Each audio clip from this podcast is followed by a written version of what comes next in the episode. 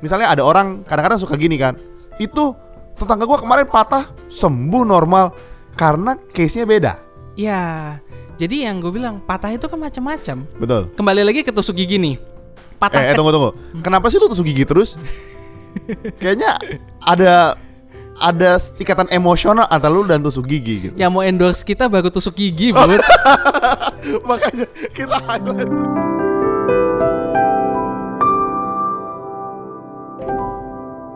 Halo sobat podcast kalian, gimana kabarnya? Sehat dong, sehat. Sehat. Pasti secerah gue. Kenapa? Karena di episode kali ini gue yang buka akhirnya. Setelah beberapa episode dia nggak buka, sekarang dia buka. Beberapa banyak. Apa aja? Kayaknya lu hari ini excited banget mau ngomongin topik yang pengalaman lu banget Yan kayaknya. Jadi gini, Bud. Kemarin gue dapat pasien. Dia itu habis kecelakaan, jatuh dari motor. Oke. Nah, pas datang ke gue, itu tangannya itu udah bener-bener bengkok. Kalau kita bilang tuh deform, deformitas. Hmm. Deformi- deformitas. Nah, itu kemudian kita concern. Nah, dari hasil concernnya ternyata tulangnya itu benar-benar patah, patah yang bengkok. Jadi lu bayangin nih ada ada tusuk gigi nih ya, Ah. tusuk gigi, lu patahin, nggak sampai benar-benar terputus dua-duanya. Itu tapi eh, apa namanya posisinya tuh udah nggak lurus Iya lagi. iya, kebayang kebayang. Ya, kebayang ya Kebayang. gitu kan. Gua agak susah ngejelasin ke lu soalnya gitu. Enggak, enggak. Kalau kosong. Tatapan lu kosong, Bu. Yan Yan, kalau tusuk gigi gua ngerti kok. Oh, iya, Gua gua paham kok. Nah, jadi setelah itu kan gue jelasin kan ke pasien kalau kondisi tulang ini nggak bagus nih seperti ini. Ini harus dirawat, harus kita konsultasikan dengan dokter bedah tulang. Nah, Oke. Terus eh, jawaban pasiennya itu dia mau mikir-mikir dulu pertama diskusi sama keluarga. Nah setelah dia diskusi sama keluarga besarnya, dia menolak untuk tindakan medis, minta pulang aja untuk katanya mau dilakukan terap pengobatan tradisional, mau diurut katanya. Jadi patah, ronsennya sudah ada, Iya. kelihatan patah dan dia bilang dia mau urut. Iya, dan itu eh, gimana ya Bud ya? Sebenarnya gue tuh bener-bener gak setuju gitu, karena Ya. gue tahu nanti hasil tindakannya setelah itu pasti akan gak bagus. Berarti Yan, ilmu kedokteran lu kalah jauh dibanding tuh tukang urut berarti Yan. Sampai dia nggak percaya sama lu berarti. eh, kalau cuma pijat-pijat gue juga bisa. No. nah, gua yang awam dengernya memang agak aneh karena hasil ronsennya ada. Mm-mm. Kecuali kadang-kadang mungkin ada dokter yang agak rese gitu ya. Maksudnya Iya. kan lu ronsen kelihatan tulangnya patah Heeh. gitu dan dia bawa pulang. Kalau misalnya sampai dibawa pulang gitu ya, efeknya apa ya? Maksud gua kalau sampai dia decide beneran urut gitu. Jadi gini Bud, kalau misalnya tulang kita patah ya, tulang kita itu sebenarnya itu hidup Bud. Oke. Tiap hari itu dia ada proses eh, bikin baru, dihancurin, bikin baru, dihancurin itu seperti itu. Kalau misalnya terjadi patah, sebenarnya nggak kita apa-apain pun tulang itu akan berusaha menyambung sendiri. Oh ya? Ya, beda sama ha- patah hati, itu Oh, susah sembuhnya. Kalau itu bisa bikin orang hilang nyawa malah ya. Nggak bisa nyambung sendiri dia tuh kan. Lebih bahaya ya. Lebih bahaya. Nah, jadi sebenarnya tujuan pengobatan dari patah tulang itu adalah posisi tulangnya kita kembalikan dulu seperti semula. Kita luruskan lagi nih. Oke. Terus kita biarkan si tulang itu tumbuh sembuh sendiri. Sebenarnya sesimpel itu. Jadi gini-gini, gua gua aja baru tahu. Ya. Jadi gua pikir ya, kalau Hmm. patah tulang, tulangnya lu benerin, terus lu kasih-kasih kayak lu jahit atau lu apain gitu loh. Kaket gelang. I- Iya, gua nggak tahu lah. Enggak enggak, tapi gue pikirannya gitu. Gua nggak tahu kalau ternyata lu kembalikan lurus Hmm. dan dia bisa menyembuhkan dirinya sendiri. Ya, itu jadi seperti itu, Bud. Jadi prinsip eh kalau misal patah kan orang sering bilang, "Wah, ini mesti dioperasi, mesti Iya, iya, dioperasi, iya, iya, betul. mesti pasang pen." Ya. Oh iya iya iya iya. Nah, Nah, benar. itu pen itu sebenarnya lebih kepada eh, stabilisasi tulang jadi kembali ke analogi tusuk gigi nih Oke. ya ada yang patahnya itu cuma retak aja Uh-uh. jadi eh, kita bisa lihat retakannya tapi posisi tulangnya bagus nah itu biasanya kita nggak lakukan apa-apa karena yang gue bilang dia akan sembuh sendiri tapi kita jaga agar posisinya tetap seperti itu terus mungkin kita gips Oh, oke oke oke oke. Nah, sekarang pada kondisi yang patahnya sudah belok, bengkok, itu kita mesti lurusin dulu tulangnya. Nah, kemudian kita pasang pen agar si tulangnya itu nggak goyang-goyang lagi dengan posisi yang sama. Nah, kemudian kita biarkan tulangnya sembuh sendiri. Ta- tapi kan pennya akan di situ terus. Pennya akan di situ terus. Nah, nanti selama misalnya katakanlah beberapa lama, beberapa bulan. Nah, kemudian kalau tulangnya kita yakin sudah kuat, sudah bagus lagi, ya pennya kita angkat.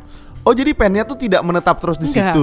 Dia enggak. hanya untuk sampai penyembuhan lu selesai, tulang lu sudah fix bener lagi, Iya. lu akan keluarin pennya. Iya, Oh. itu seperti itu. Nah, banyak orang tuh eh, nggak sebenarnya kurang tahu kalau misalnya penyembuhan patah tulang tuh seperti itu dan lebih memilih pengobatan alternatif. Di mana yang kadang-kadang eh, untuk kondisi seperti itu sebenarnya nggak make sense. Iya memang. Nah, patah tulang yang ada di dalam itu dengan diurut bisa nggak lu balikin tulangnya ke posisi semula? Mungkin bisa, mungkin enggak. Tapi pasti pastinya kesakitan banget, benar gak? Iya iya betul. Ya kan, itu yang satu. Yang kedua, eh setelah dicoba dibalikin kembali ke posisi semula, ada jaminan nggak tulangnya nggak bengkok lagi? Nggak ada. Jadi selalu pijit, katakanlah pijatnya berhasil nih, tulangnya benar-benar balik ke posisi semula. Ya, dia nggak kasih sesuatu untuk mempertahankan posisi tulangnya. Nah kemudian salah, eh, tulangnya balik lagi, bengkok lagi. Nah penyembuhannya selanjutnya eh, dari bengkokannya itu, tulang itu akan menyambung tapi penyembuhannya menjadi bengkok. Oh iya iya, gua gua kebayang karena dia tidak bisa dipertahankan posisinya. Iya. Nanti kalau dia menyambungnya ke tulang yang salah, malah jadi bener tapi salah tulangnya gitu kan maksudnya. Iya, itu. Oh. Makanya kalau kita lihat pada anak kecil, kalau misalnya pemulihan patah tulang yang nggak bagus, itu nanti kemungkinannya kalau kita bandingkan antara kanan kiri, antara yang sehat sama yang enggak, itu pasti kelihatan banget jelasnya kalau yang bekas patah itu, itu cenderung lebih eh, nggak rapi ya, nggak rata tangannya atau kakinya. Yan kalau misalnya dia memang patahnya tanda kutip sedikit gitu ya, Mm-mm. atau cuman geser, cuman retak sedikit gitu. Mm-mm. Sebetulnya kalau dia ke tukang urut Hmm. atau bahkan dia nggak ke urut, dia akan normal lagi. Ya, gitu kan Betul. maksudnya kalau lu misalnya ada orang kadang-kadang suka gini kan itu tetangga gua kemarin patah sembuh normal karena case nya beda ya. Jadi yang gue bilang patah itu kan macam-macam. betul Kembali lagi ke tusuk gigi nih. eh, Patah eh tunggu tunggu kenapa sih lu tusuk gigi terus kayaknya ada ada ikatan emosional antara lu dan tusuk gigi gitu yang mau endorse kita baru tusuk gigi, Oh. Bud. makanya kita highlight tusuk gigi oke oke oke Jadi eh, lu bayangin tusuk gigi nih ya. Ya. Ada yang patahnya cuma kecil doang di ujung, ya ya. Ada yang cuma retak doang di tengah. Ada yang bengkok seperti tadi. Ada yang mungkin patahnya copot tapi misah, oke ya ya, ya ya, ketarik. ya. Nah, itu semua kita sebut patah. Tapi dengan cara penanganan yang beda-beda. Gitu. Kalau patahnya cuma sedikit atau cuma retak aja, yang tadi gue bilang mungkin operasi nggak diperlukan. Kita pasang gips aja. Nanti paling kita follow up, kita concern lagi setelah beberapa lama untuk ngecek tulangnya udah nyatu atau belum. oh Tapi oke, kebayang nggak kalau oke. misalnya dia bengkok atau sampai misah, gimana caranya si tulang itu mau sembuh kalau posisinya aja nggak bener? Betul betul. Kalau misalnya dia yang kemarin lu patahnya di tangan atau kaki? Ya di lengan bawah. Lengan Oh. bawah itu eh, dari siku sampai ke telapak tangan. Wow, I see. Ah, Kedua tangan atau cuma satu? Satu tangan. satu, yang sebelah kiri. Kalau misalnya dia penyembuhannya tulang di tangan kirinya itu Hmm. nyambung sama dengkulnya kan bahaya ya? Enggak ya? Enggak bakal sampai sejauh itu ya. Selama otaknya nggak didengkul sih nggak apa-apa, bud. Nggak takut gegara otak. Oke oke oke. Maaf ya teman-teman, memang memang agak agak agak kacau kayaknya kita hari ini ngomongin patah tulang. Jadi gini, bud. Oke. Kalau dulu eh, zaman dulu itu pengobatan pijat pada pak eh, sebenarnya bukan patah tulang ya, lebih kepada kesleo. Mungkin tulangnya itu eh, dislokasi atau atau kalau misalnya itu geser Ya. ya, keluar dari soketnya. Nah, itu dengan dipijit itu pelan-pelan kita balikin tulangnya kembali ke soket semula. Itu bisa. Hmm. Nah, itu tujuannya sebenarnya seperti itu sebenarnya. Tapi eh, kemudian berubah-ubah nih. Dari dia bisa ngobatin patah tulang lah, ya. Dari dia bisa nyobatin sampai semua yang bengkak harus diurut. Nah, ngomongin soal bekak harus diurut, Nah, kayaknya tuh emak gue penganut paham begitu kayaknya. Aduh, maaf ya tante. Enggak enggak. Ta- tapi memang kalau gua gua sempet sekali turun dari mobil Hmm. salah gitu karena ngangkat barang. Kayak gue kesaleo dan bengkak. Mm-mm. Dan lumayan lama loh Yan itu. Itu sampai dua mingguan. Bengkaknya gede. Mm-mm. Nyokap gue ngomong gini, untungnya sih sembuh waktu itu. Mm-mm. Tapi gue satu hari jatuh, dua hari jatuh, gue nggak mau diurut, Oh iya. tambah gede. Terus nyokap gue bilang gini, tuh kan, udah bengkak nggak diurut, sini mau urut deh. Pas diurut, tambah bengkak ternyata. Terus, gue gua, gua kan jadi serba salah ya. minta maaf duluan sama tante. maaf ya tante yang kedua. Gue kan jadi serba salah.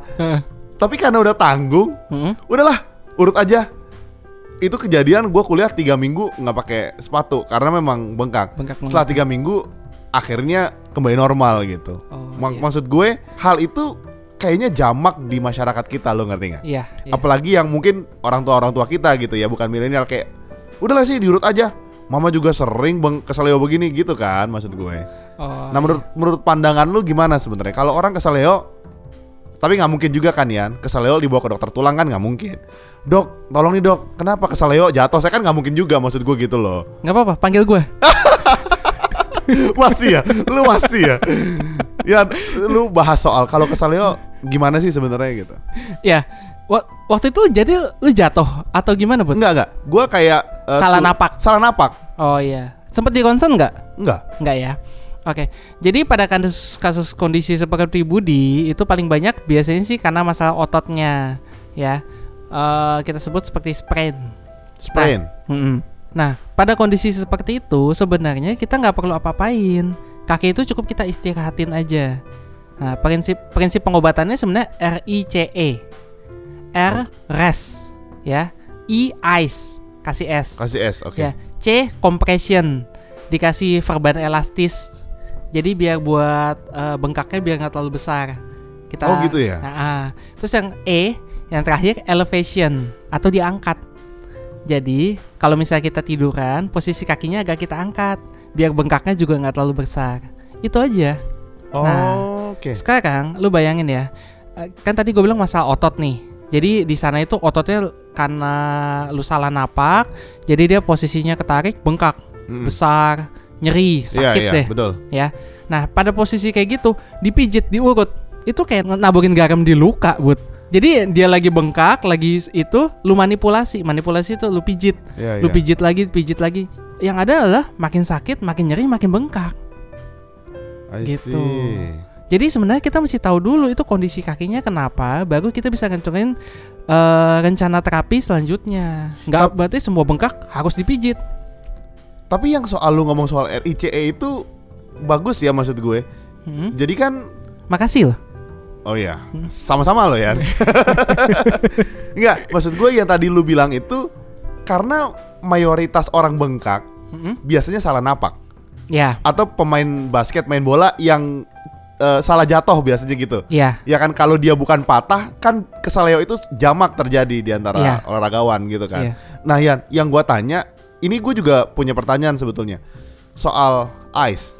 ya, Ketika kesaleo, orang tuh suka bilang gini, ada yang bilang air dingin, ya. ada yang bilang air hangat. Oh iya, betul. Enggak, ma- betul. jadi gue pengen tahu kapan air dingin, kapan air hangat gitu. Atau emang semua kesaleo harusnya air dingin dan kenapa masih air dingin? Kalau cuacanya dingin ya pakai air dingin. Kalau adanya air panas ya lu pakai air panas. Oke, sampai jumpa teman-teman. Balik Dadah. lagi. Nggak, nggak, nggak. Jadi memang berbagai teori ya. Jadi kalau misalnya air hangat itu ada yang bilang katanya melancarkan peredaran darah. Iya, gue pernah dengar. Ya. Nah, kalau yang sebenarnya fungsinya kita kasih es itu adalah satu, biar rasanya nggak terlalu sakit.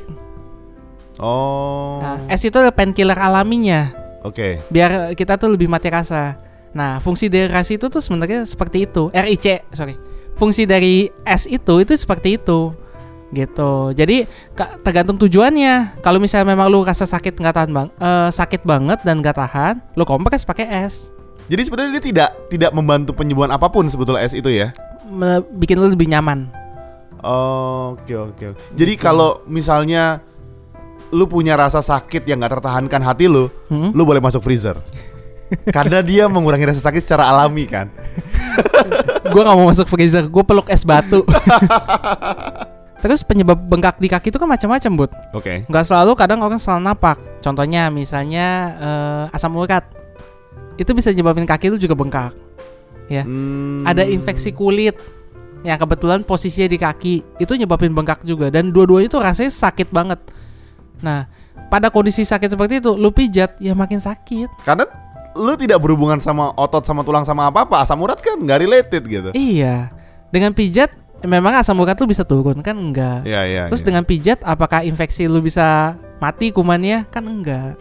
Gitu. Jadi sebenarnya penanganan eh, hal-hal remeh seperti itu kita menggunakan logika aja. kan masyarakat kita lebih percaya kata mama, kata nenek, kata Ya. tetua-tetua dibanding Selanjutnya nanti kata healthy hack. Oh, iya. oh gitu ya. Nanti Enggak mam, kata healthy hacks gitu ya Iya. Eh Yan ngomongin soal pijat Gimana sih kalau pijat vitalitas? Karena kan banyak banget tuh di mana-mana Memperbesar, tahan lama Apa dengan pijat bisa sesakti itu maksud gue? Nah, yang ini jangan panggil gue. Ini jangan panggil ya jangan, jangan. oh, boleh, boleh, boleh. Tapi kayaknya kita bahas di episode selanjutnya gimana? Boleh, karena ini topik pasti seru banget Oke. Gue yang ngebayanginnya aja deg-degan ngebayanginnya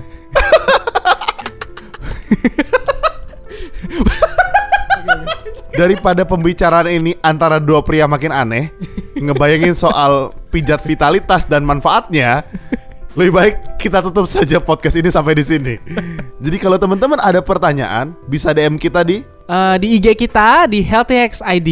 Di sana DM aja kalau misalnya punya pertanyaan, saran, usul atau kritik atau email kita juga bisa. Di mana, Bud? di healthyhacks.id at gmail.com Jadi jadi sampai sini aja eh, pembicaraan mitos kita mengenai patah tulang, pijat dan teman-teman. Tunggu topik kita tentang pijat vitalitas. Karena itu kayaknya lumayan ditunggu-tunggu. Lu yang nunggu, Bud. Jadi sampai situ aja, sampai jumpa episode kita berikutnya. Bye-bye.